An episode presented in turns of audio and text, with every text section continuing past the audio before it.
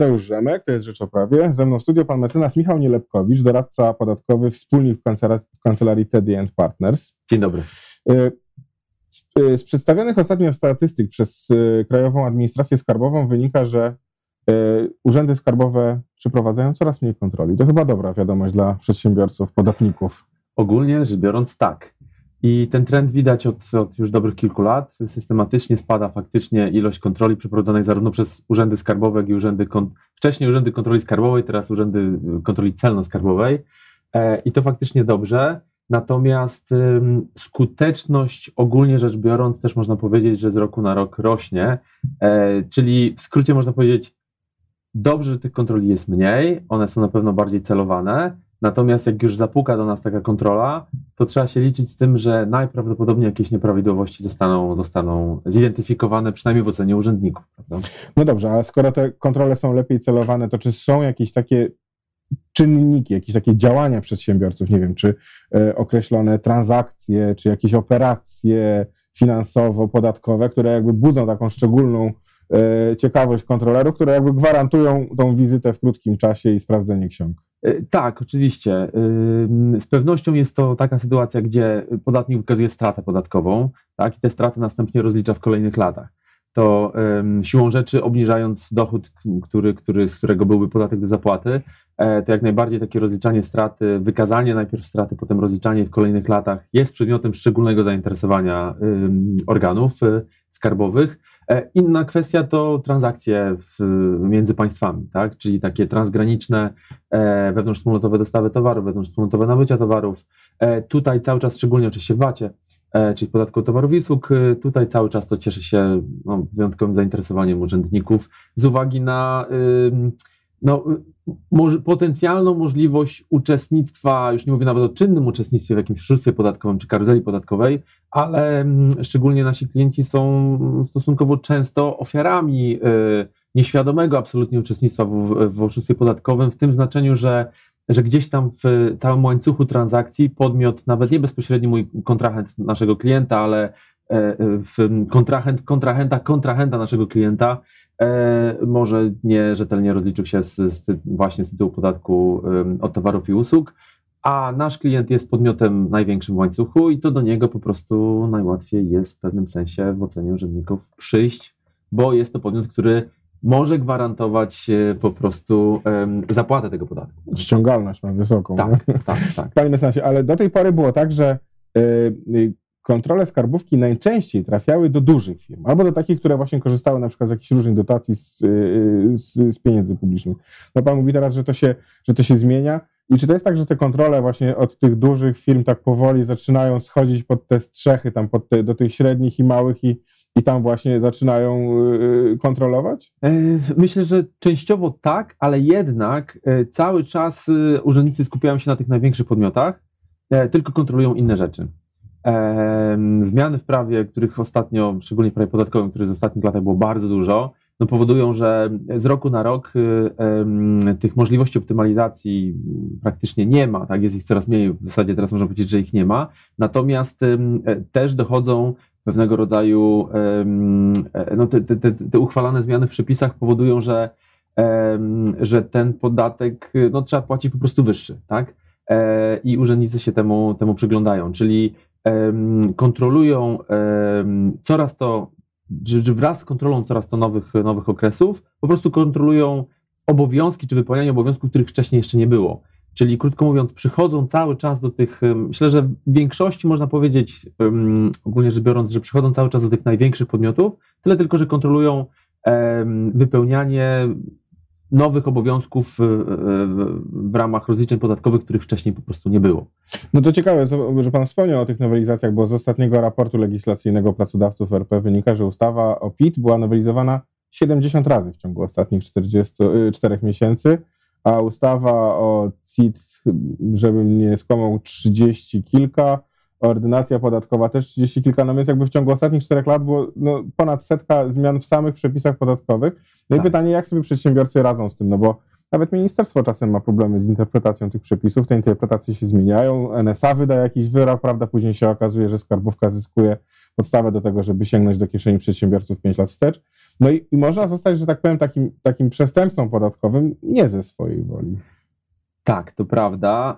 Y, ja bym nawet nawiązując do tego, co pan redaktor wspomniał, ilość samych nowelizacji, tak, no to jest, to jest gdzieś tam e, faktycznie y, problem dla przedsiębiorców, bo, bo, bo trudno się w tym wszystkim e, po prostu najzwyczajniej w świecie połapać, ale nawet powiedziałbym, że e, sama ilość to jeszcze nie wszystko. Po prostu nawet w jednej, nowe, na, na, nawet że tak powiem, pojedyncze nowelizacje niosą ze sobą tak wiele zmian, to jest y, najczęściej kilkadziesiąt, jeżeli nie, jeżeli nie kilkaset nawet w niektórych przypadkach stron zmian w przepisach, że faktycznie, faktycznie ciężko się w tym wszystkim rozeznać bez e, no, profesjonalnego wsparcia w postaci właśnie doradcy podatkowego.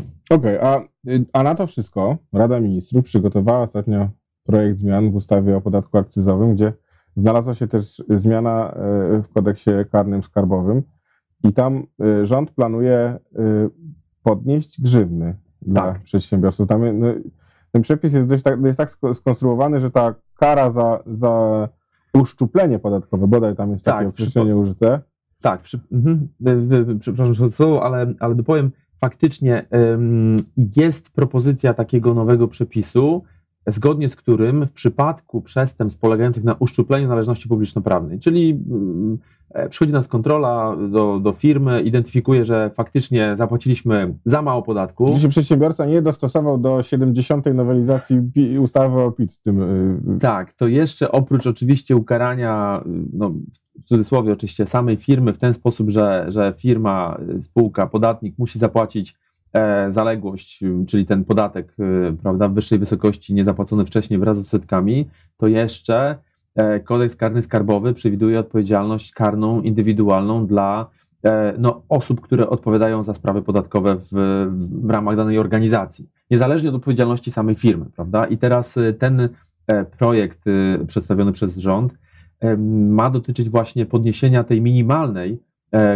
kary grzywny E, do wysokości kwoty zaległości, czyli tej uszczuplonej należności publiczno-prawnej. No ale to rozumiem, że prezes wielkiej giełdowej spółki, no albo dajmy spokój tym giełdowym, no dużej, dużej spółki, tak, tak. któremu na przykład kontrola skarbowa wy, yy, wskaże palcem, że tu ktoś się pomylił i najmy na to ma kilka milionów niedopłaty, będzie musiał z własnej kieszeni te pieniądze wyłożyć? Tak, czyli tu mówimy o jakby dwóch rodzajach odpowiedzialności. Pierwszy, pierwszą odpowiedzialnością jest odpowiedzialność samej firmy, która E, musi te powiedzmy kilka milionów zaległości, e, zaległego podatku niezapłaconego uiścić, plus jest jeszcze odpowiedzialność, e, oczywiście jeżeli spełnią, jeżeli organy, organy ścigania wykażą spełnienie określonych przesłanek, to jeszcze mają możliwość pociągnięcia do odpowiedzialności czy tego prezesa, czy też innych osób odpowiedzialnych za rozliczenia podatkowe, e, już jego osobiście, E, z tytułu kodeksu karnego skarbowego, gdzie oczywiście oprócz kary grzywny są jeszcze kary ograniczenia wolności, a nawet wręcz pozbawienia wolności.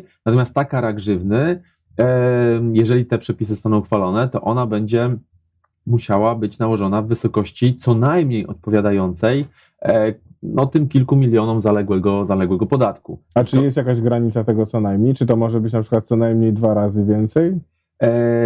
Przepis, który został zaproponowany, wspomina tylko o tym, że minimalna kara grzywny ma wynosić e, co najmniej, co najmniej te, tak, te, te, ma odpowiadać co najmniej tej kwocie e, e, uszczuplonej należności publiczno-prawnej. No ale ja jestem sobie w stanie wyobrazić, tak, że kontroler będzie się chciał wykazać przed swoimi przełożonymi i biorąc taki przepis, stosując taki przepis, uzna, że dla niego co najmniej to, to, to 100% to jest tak, za mało tak, i że tak. 200% więcej powinien e, No, na szczę no, szczęście, czy też nie, w, mm, e, nie decydują o tym same organy ścigania, tylko sąd który, karny, który rozpatruje taką sprawę, ale oczywiście e, właściwy organ, który wnioskuje o, organ ścigania, który wnioskuje o ukaranie, mm -hmm takiego prezesa czy innych osób odpowiedzialnych za rozliczenia podatkowe, no może wnosić o jak najbardziej o, o nie 100%, tylko, tylko będzie się poruszał w, w granicach tych widełek 100% do e, jakiejś tam określonej wartości. Nieskończoności prawda? tak naprawdę. E, no bo tak. nie ma żadnej górnej granicy tutaj tej, tej grzywny. Przepisy generalnie wspominają o tym, że grzywna nie może przekroczyć pewnej, e, pewnej kwoty, pewnej wartości e, przez odniesienie do, do kwoty też minimalnego wynagrodzenia. Jest tam taki wzór zaszyty w kodeksie karnym skarbowym. No i właśnie ciekawe, jak, jak zostanie rozwiązana relacja tej wartości, która jest gdzieś tam określona maksymalnie, do tego projektowanego przepisu, który e, zakłada minimalną kwotę kary grzywny w wysokości co najmniej uszczuplonej należności publiczno-prawnej.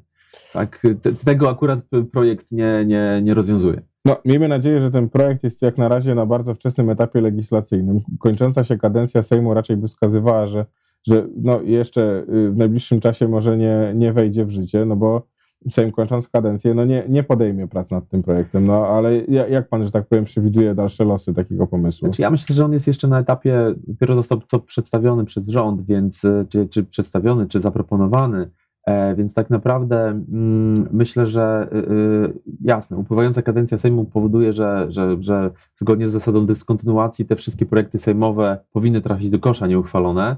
Natomiast tutaj etap ten jeszcze wcześniejszy, czy etap rządowy, powoduje to, że w przypadku kontynuacji misji tego rządu, a wszystko na to wskazuje, ten projekt po prostu będzie dalej procedowany i w najbliższym czasie można, można się spodziewać, że zostanie uchwalony. Jakby z uzasadnienia wynika, że, że kwota, powodem takiego, takiej propozycji jest to, że, e, że kwota kar po prostu grzywny nakładanych przez, e, przez sądy karne w, w ramach tych postępowań karnych skarbowych, czyli wtedy, gdy ewidentnie już złapiemy jakiegoś przestępcę tak, e, skarbowego, i zidentyfikujemy taką osobę i ją można pociągnąć do odpowiedzialności, jest po prostu no, zbyt niska w relacji do tych uszczupleń, jakich, e, jakich ta firma i osoba odpowiedzialna za te rozliczenia podatkowe w tej firmie się dopuściła. No, ale myślę, że tacy prezesi, także ci uczciwie prowadzący biznesy też powinni się obawiać tego przepisu, bo nigdy nie wiadomo, gdzie, gdzie, ten, gdzie ta gilotyna spadnie. Tak, i w tym zakresie warto e, też z uwagi na, na pewne inne, inne przepisy już przyjęte, czy też procedowane przez, przez rząd, warto e, przejrzeć po prostu, czy, czy, czy dokonać takiej analizy e, reguł, zasad, odpowiedzialności za rozliczenia podatkowe w danej organizacji. E, i wdrożyć odpowiednie procedury, które pokazywałyby, że, że po prostu ryzyko doprowadzenia do tego, że, że jakieś nieprawidłowości w rozliczeniach podatkowych będą miały miejsce i organ faktycznie takie wykryje, no będzie po prostu minimalne i też, i też ograniczyć w ten sposób tę odpowiedzialność karno-skarbową zarządu, jak również wszystkich osób w dziale finansowym, księgowym odpowiadających za, za, za sprawy podatkowe. Bardzo panu dziękuję za rozmowę. Dziękuję bardzo. Moim gościem był Michał Nielepkowicz, doradca podatkowy i wspólnik w kancelarii Teddy Partners.